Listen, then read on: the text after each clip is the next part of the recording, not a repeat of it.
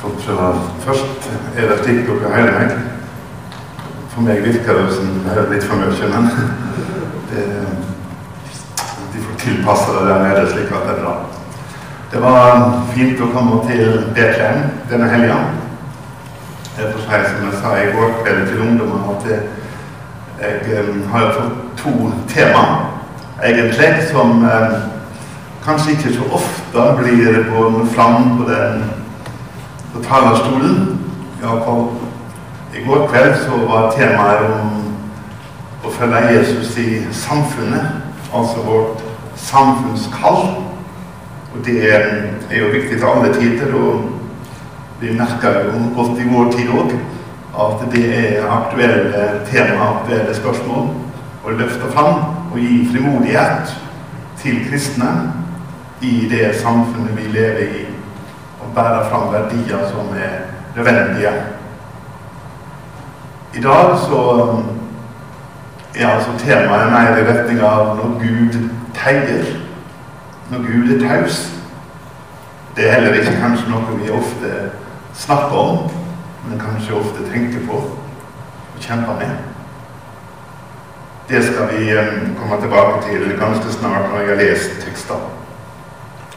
Jeg sa i går til ungdommene òg, jeg får det til dere for eh, sikkerhets skyld, at hvis dere eh, opplever at det renner tårer hos meg i dag, så er det faktisk ikke fordi at jeg hører til de predikantene som blir eh, rørt av egen tale. Det er noen slike, men jeg hører ikke til dem. Det får jeg innrømme. Men eh, grunnen er ganske enkel at det er øyeavdelinger på Aukland som har prøvd å gi meg nytt syn på livet. Og nå er jeg i tårefasen etter det. Det er nok de som syns det, at de bør lukkes i overført bygging. Det er jeg ikke sikker på de klarer. Men eh, jeg håper de lukkes i, i fysisk forstand iallfall. Vel, så vet dere det. Teksten for den andre søndag i faste er altså fra Matteus 15, og vi leser om den kamaneiske kvinna. Så for Jesus derifra og tok veien til landet kring Tyros og Sidon. Da kom det ei kamanes kvinne fra denne, dette området og ropa. Herre du Davids sønn, miskunna deg over meg. Datter mi er ille plaga av ei vond ånd. Men han svarer henne ikke ett ord.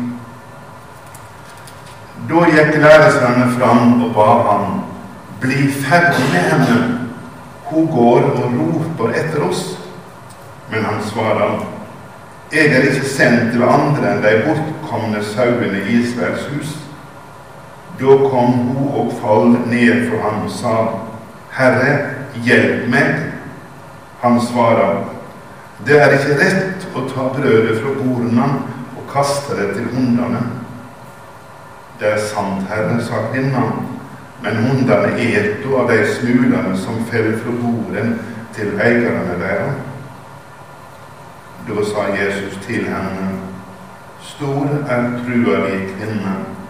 Det skal gå som du vil.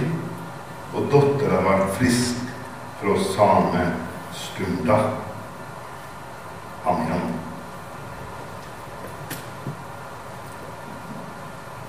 Ei kvar tid er en kjent for uh, ord og uttrykk som uh, kommer til og som fortida ikke kjente. Et enkelt eksempel min eh, oldefar, som var en gammel bedehusmann hjemme på, på Meling. Han eh, fortalte forresten om han at når han eh, gikk på talerstolen, så, så, var hendene litt annerledes enn mine. De var så store at det, han dekka det meste. Men eh, han kjente ikke til laptop. Han kjente ikke til SMS og mail og sånne ting. Han døde lenge før jeg var forresten, så han eh, hadde ikke TV heller. Mangt var ukjent, som er nesten enkelt for oss. I dag eh, er det også mange ting jeg ikke kjenner til, eller forstår annerledes enn det på seg det burde. Vi vet at det er mange tenåringer i Norge som mer enn vil si å være fotballfrelst og idrettsfrelst enn å være frelst i bibelsk rett forstand. Det er forresten en utfordring som vi må ta på alvor. Men enhver tid er kanskje kjent med ord og uttrykk som nettopp da blir borte. Som ikke er nær konform med. Som en ikke har liksom et nært forhold til. Et av de ordene tror jeg er ordet anfekting. Anfekting. Hvis du spør på gata bergenserne hva forbinder du med anfekting, så er jeg ikke sikker på at iallfall den yngre garde var helt konform med hva som ligger i det ordet. Men det handler altså om ærlig, kjempende tru i møte med den Gud som synes taus, eller som svarer annerledes enn vi håper og forventer. Avsnittet om den kamaneiske kvinna og Jesus det gir oss iallfall høre til å ta fram disse dype og viktige sammenhengene når det handler om anfekting. Den kjempende tru i møte med en Gud som synes taus. Og Det skal vi snart snakke litt om og ta fram i formiddag. Men før vi går til det, så skal vi ikke hoppe over det viktige poenget som også er med i tekster, som, som er Jesus svar og forklaring akkurat her i denne teksten. Hvorfor det var slik. Jeg er ikke sendt til andre enn de bortkomne sauene til Israels hus. Det å løfte fram også dette poenget, det har jeg stor frimot til.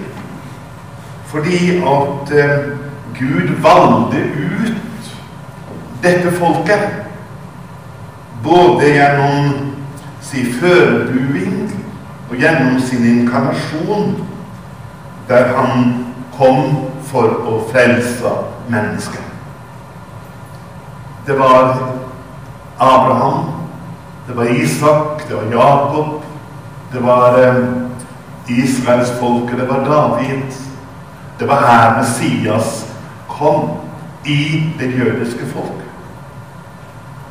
Og Denne sanninga er det Jesus bruker her, og den er ikke uaktuell å ta fram. Det ikke så mange år siden jeg satt sammen med en palestinsk teolog i Øst-Jerusalem. Og for ramme alvor så påsto han at Jesus var ikke jøde. Han var palestiner, for han var jo født i Palestina. Vel, han kjente heldigvis ikke meg, men han sendte jo meg til Norge da etterpå for å lure på hva fyr dette var. Vi ble ikke helt samde. Jesus, Guds frelse, kom gjennom det jødiske folk. Og det er ikke noe som bare hører historien til.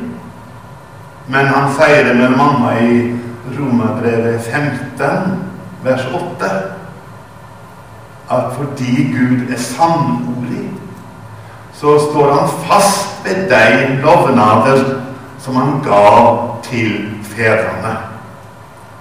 Så Jesus' svar i dag, det skal vi gjerne løfte fram og ta med, fordi frelsa kom ifra jødene. Både frelseslovnaden og alle Guds lovnader til dette folket er ikke historie, er ikke borte. Men det er eh, levende realiteter den dag i dag.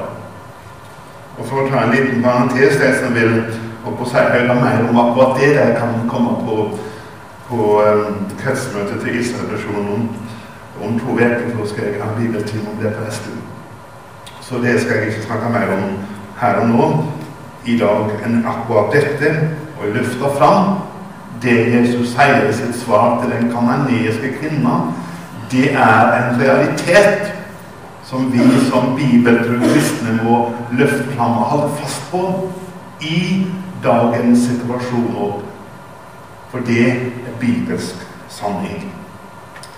Men det er altså det andre temaet som vi skal bruke tida på, på nå, først og fremst.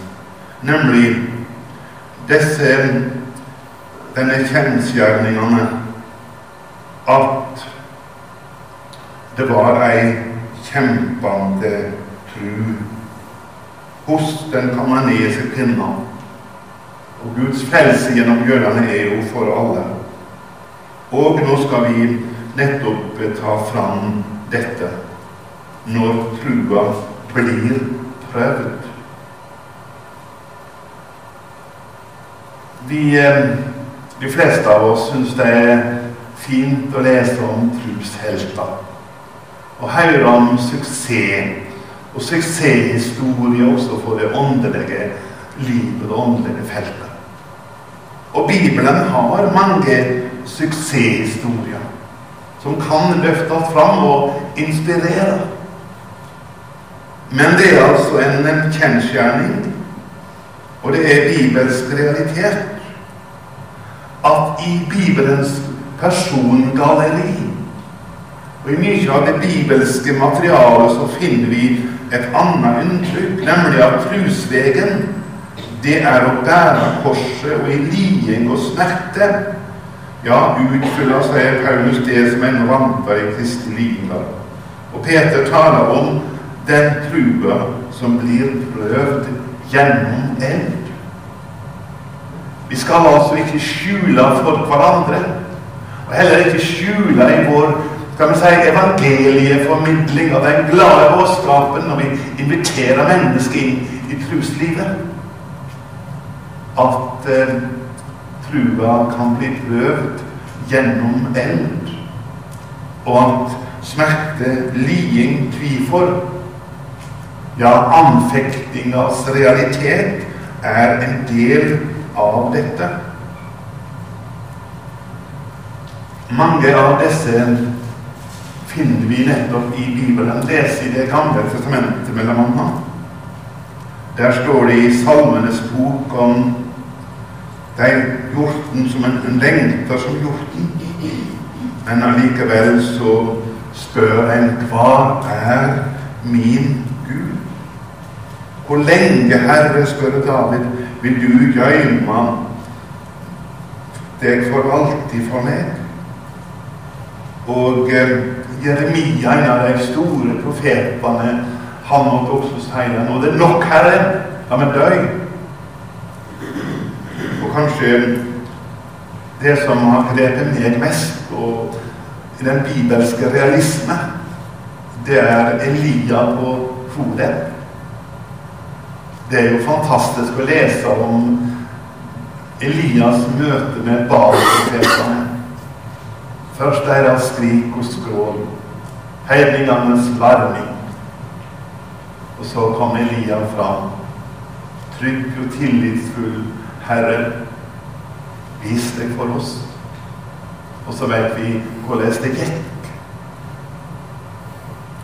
Men det som griper meg i det avsnittet der, det er kanskje ikke først og fremst dette som yngre. Så var jeg veldig fascinert over Elia og seieren på ordet. Men ettersom året har gått, så har det blitt mer fanga inn i det neste kapitlet. Hva er det som skjer der? Jo, det er Ahab som forteller Jesabel om det som skjedde, hva som skjedde, hva Elia gjorde. Og så var hun fast bestemt på han skal måtte dø som Balsprofetene. Hva står det da? Jo, da står det at Elia ble redd. Og så gikk han og gjemte seg, så sa han, Herre, nå er det nok. La meg, la meg dø. Det er bibelsk realisme at Gud fører ikke bare på kan man si, på de høye høyder, men han kan også føre ned djupt i dalen. En av de gamle sjelesørgerne Kristian skriver, han sier nok et avsnitt slik De små ur i stuen trenger bare små lodd for å holdes i gang. Men de store ur i kirketårnene, som skal vise tiden for en hel by, trenger store og tunge lodd. Verdslige og uomvendte mennesker kjenner ikke til anfektelsens nød. En slik helligdom som de åndelige anfektelser, de er forbeholdt Hans hellige. Så skildrer han anfektelsen slik. Sjelen får under anfektelsen kjenne Guds vrede og syndens kraft med helvedesangst, mørke, frykt, fordervelse, tungsinn, fortvilelse og andre tunge tanker. Anfektelse, det er altså en realitet, ikke noe vi skal dytte hverandre inn i, men noe vi skal ta fram. Også å si til om du opplever det mørke, så er du ikke alene om dette. Men det er altså Bibelens realisme som løfter dette fram og sier dette hører også til normallivet. Det fortalte de fra reformasjonstida. Det var en, en stor vekking som brøt ut med noen spesielle predikanter. Og så kom noen da til Martin Luther og, og ville ha han med, for det var store ting som skjedde. Og så spør reformatoren følgende spørsmål. Hva sier disse predikantene om anfekting? Og svaret var ingenting. Det hører ikke med, fordi at her er bare suksess og framgang. Og Da har jeg fortalt at reformatoren svarte bryskt Ikke gå og hør dem. Slutt å høre på dem. For de taler ikke sant etter Bibelen. Hvis ikke anfektinga er realitet. Anfektinga er nettopp slik som den kananiske kvinna opplever det. En kan oppleve at Jesus tegner. En kan oppleve at han svarer ikke, eller til slutt svarer annerledes enn en trodde, og en ble fortalt. Men slik er det. Rosenius sier at Gud fører mennesket gjennom truas skule. men somme tar han opp i anfektelsens høyskole. Jeg vet ikke hvordan du opplever det. Vi kan oppleve det forskjellig. Og Vi skal ikke lovisk pådytte hverandre, men vi skal både forberede hverandre og fortelle hverandre at nettopp anfektingas smerte, den kan være ulik. I samtale med mennesker så møter vi det, og i eget liv så møter vi det. En kan spørre hvorfor svarer du ikke Gud? Hvorfor får jeg ikke det som du ifølge ditt ord synes å ha lova meg? Noen spør mine barn, noen de ser, noen får alle barna med på himmelvegen. Noen får alle barnebarna med på himmelvegen. Jeg har ikke fått noen med, sier noen. Ikke mine. Hva er det som er galt med meg? Jeg har jo bedt, jeg har trygla Gud gjennom et langt liv. Hvorfor er det annerledes for meg? Slik kan mange mennesker spørre. Anfektingas, truas Gud og anfektingas høgskole. Jeg las um, for en del år siden nå, eller vel, en bok av um, en dansk uh, teolog, lagspresten Leif Andersen. Mange kjenner han jo fra denne boka vår 'Hvorfor sover du, Gud?' Og han skrev den bøker. Han har også skrevet ei, ei bok som um, handler nettopp om Bar jeg for lite? Om bønnegleder og bønneskuffelser. Jeg skal ikke ta fram så mye fra boka, men han har et veldig viktig innleiingspoeng, en overordna poeng, Det er andre som jeg tror er veldig viktig å ta med. Han sier nemlig at eh, skal vi båre inn i Bibelens tale om dette, så må vi følge av det reformatoriske prinsipp, nemlig om at Skrifta må få tolke Skrifta. Og er det ett tema i Bibelen, sier han, som vi nettopp må studere i bibelsk heilskap, så er det nettopp dette temaet om bønn, og ikke også høre Guds svar og se Guds svar. Det er eh, to linjer som synes å være en spenning i Skrifta. Nemlig dette at det står tydelig mange ganger det skal få alt det ber om. Og den andre linja Gud gjev etter sin vilje.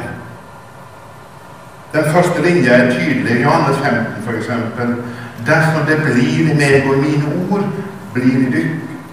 Da be om hva det vil, og det skal få det. Og Vi kunne ta med Jakob 5, det som noen av oss praktiserer i, i liv og tjeneste. Er du sjuk, så skal du be til deg noen av de eldste. Salve deg og be for deg. Og Herren skal reise deg opp igjen. Og en rettferdig manns bønn har stor kraft i sin verknad. Denne linja er veldig tydelig i Bibelen. Men sier eh, Andersen, ikke bare les disse ordene. Se også den andre linja, og Jakob-brevet er veldig god hjelp på dette. For i dette som står her i kapittel 5, det er viktig. Og så kan en jo tro at det er noe gale med min bønn dersom ikke det skjer slik som jeg tenkte. Og jeg eh, må tilstå ærlig sjøl at særlig i yngre år så jeg ba for syke. Jeg salva sjuke. Jeg har sett at Gud har reist opp, men jeg har sett også det motsatte. Han ikke gjorde det.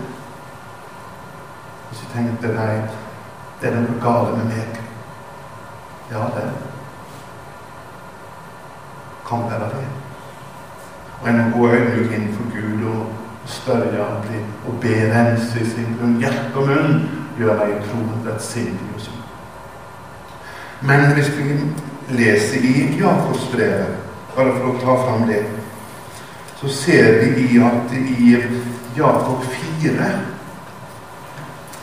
så skriver Jakob om at eh, noen sier i dag eller i morgen fer vi til den eller den byen, og er det et år, driver for å tjene penger. Og så veit de ikke engang hvordan livet du kan bli i morgen. For det er røyk synlig en stund, og så borte. Det skulle heller seie om Herren vil, for vi lever og gjøre det ene eller det andre. Den audmjuke bønna som også hører med. Vi skal få minne Gud frimodig om Hans lovnader. Men samtidig må vi si Herre, skje din vilje. Det var slik han lærte oss i Herrens bønn. Og det var slik Jesus var forbilde for oss også like inn i Guds semane. Herre, ta denne skåla fra meg, men, Herre, ikke som jeg vil, bare som du vil.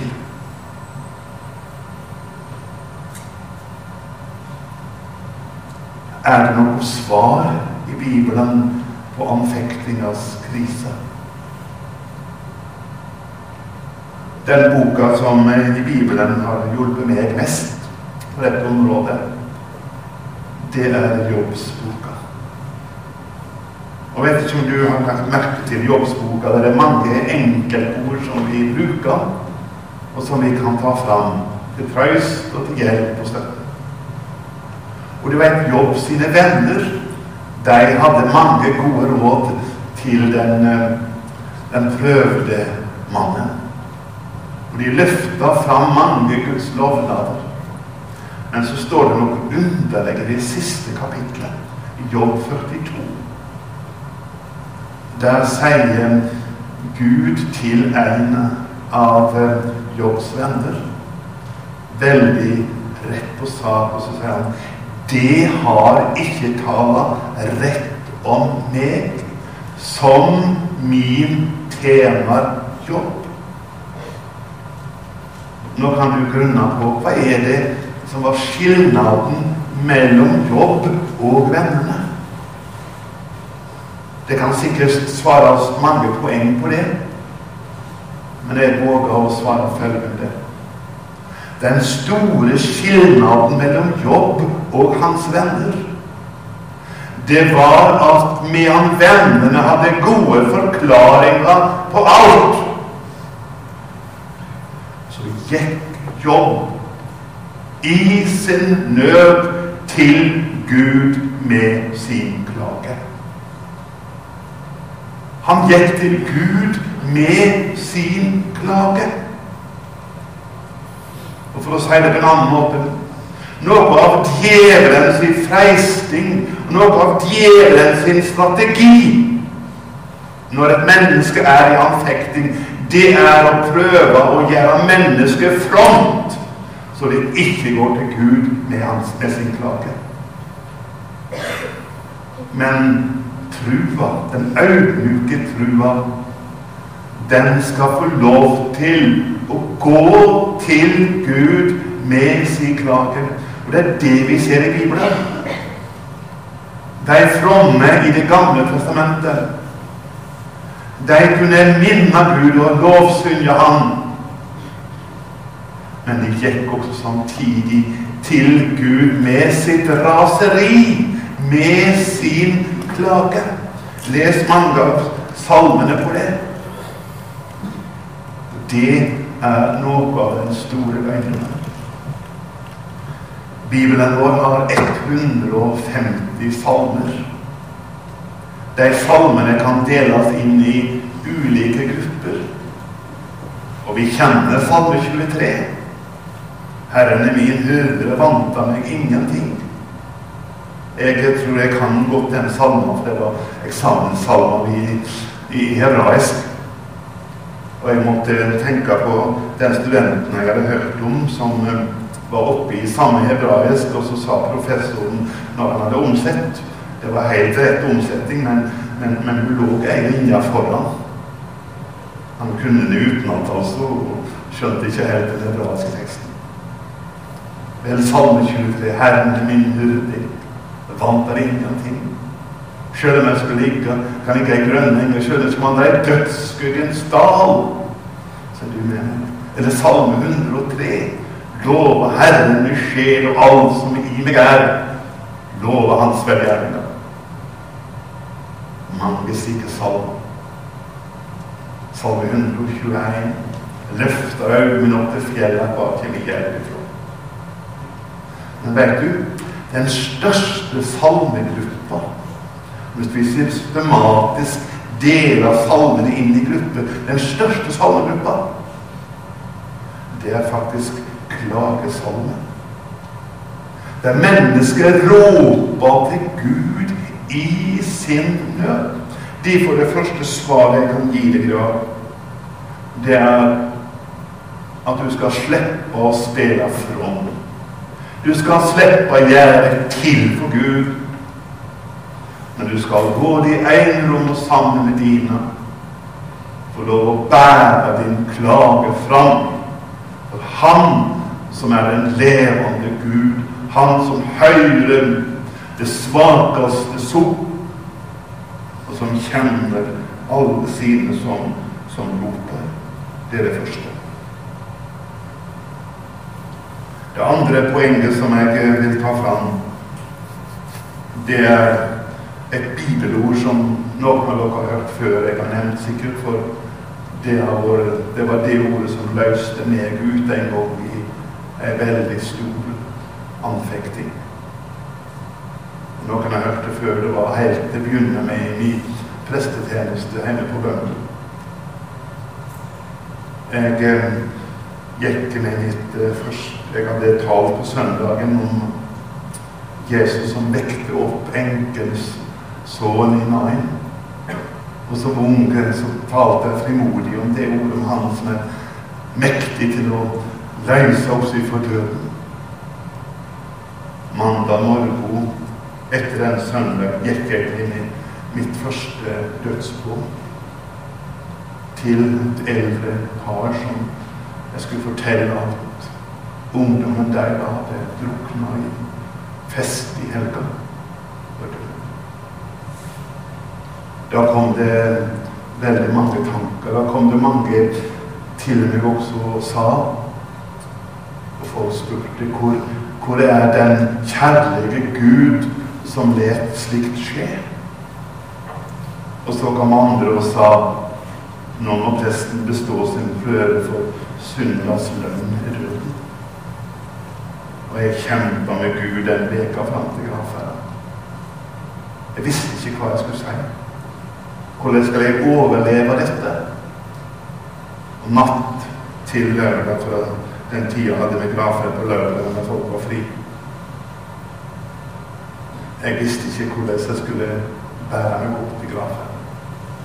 Bare Anne Marie Bekkos jeg hadde det. Og jeg sa til Gud jeg gir opp. Jeg slutter å være prest. Dette går ikke for meg. Jeg har ikke noe svar. Og i den bønnekampen den siste natta så gav Gud meg et ord som løste meg. 5. Mosebok 29, 29. Der står det slik Det løgnde høyre Herren vår Gud til. Og det som er åpenbæra, er for oss og våre barn i anfektingssvaret så lyder jeg altså sier til dere vi har ikke alle svar og kan finne enkle formuleringer og formler at alt går opp.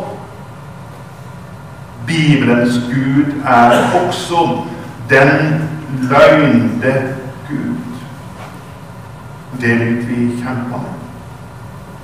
Men Bibelen forteller også i det ordet det som er åpenbæra, det skal vi få ta fram. Og hvis dere vil gjette hva bibelordet jeg brukte den gravferda, så kan jeg fortelle det. Det var Johannes 3,16. For det er åpenbart. Så at Gud elska hver at han gav sønnen sin den enbårne, så hver den som tror på ham, ikke skal gå fortapt, men han evig liv. Om ikke vi finner svar i anfektinga på alle spørsmål, så er det ett svar som du skal få med deg i avslutninga nå. I Romerbrevet, det åttende kapittelet. I Romerbrevet, det åttende kapittelet. Der eh, får vi noe viktig fram av apostelen. Han eh, spør hva skal vi så si til dette? Er Gud for oss, men da imot oss? Han som ikke sparte sin egen sønn, men gav han for oss alle, kan han annen gi oss alt med Han? Og i avsnittet ellers her så ser vi at han ber for oss. Ber for oss. Han er prøvd i alle ting. I lytting og Stoklandsund. Og han ber for oss. Det siste jeg vil få lov å si til deg denne formiddagen med dette om du er i truas skole eller landfektingas høgskole. Så skal du vite at det er en som er din forbeder.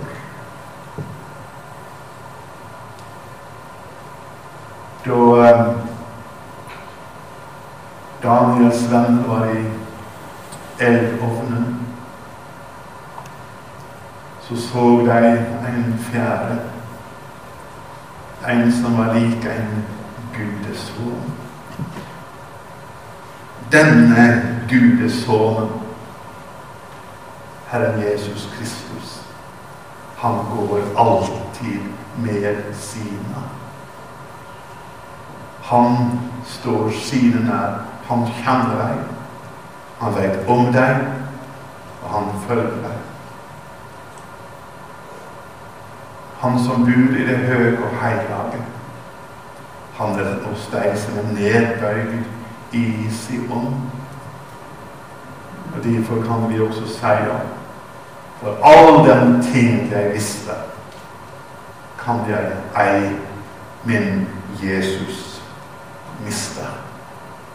Han skal jeg få gå til i bønn.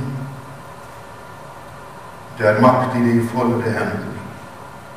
I seg selv er de svak og små, men mot allmaktens Gud du den vender. Han har lovet at svar skal du få. Det er svar underveis, engler kommer med Gud. Om det drøyer det framdrog skal nå, for det lovet jo løftenes trofaste Gud. Kall på meg, for du hjelpen skal få. Du som ber for ditt barn, dine kjære, er i forbønn ifra år og til år. Om du tålmodens lekse må lære, himmelens bønnesvar en gang du får. Det er makt i de folde hender når i frelses navn du får be. Og en gang når du livsløpet ender, blir et bønnesvar klart, skal du se. Alt vårt håp er hos Jesus. Amen.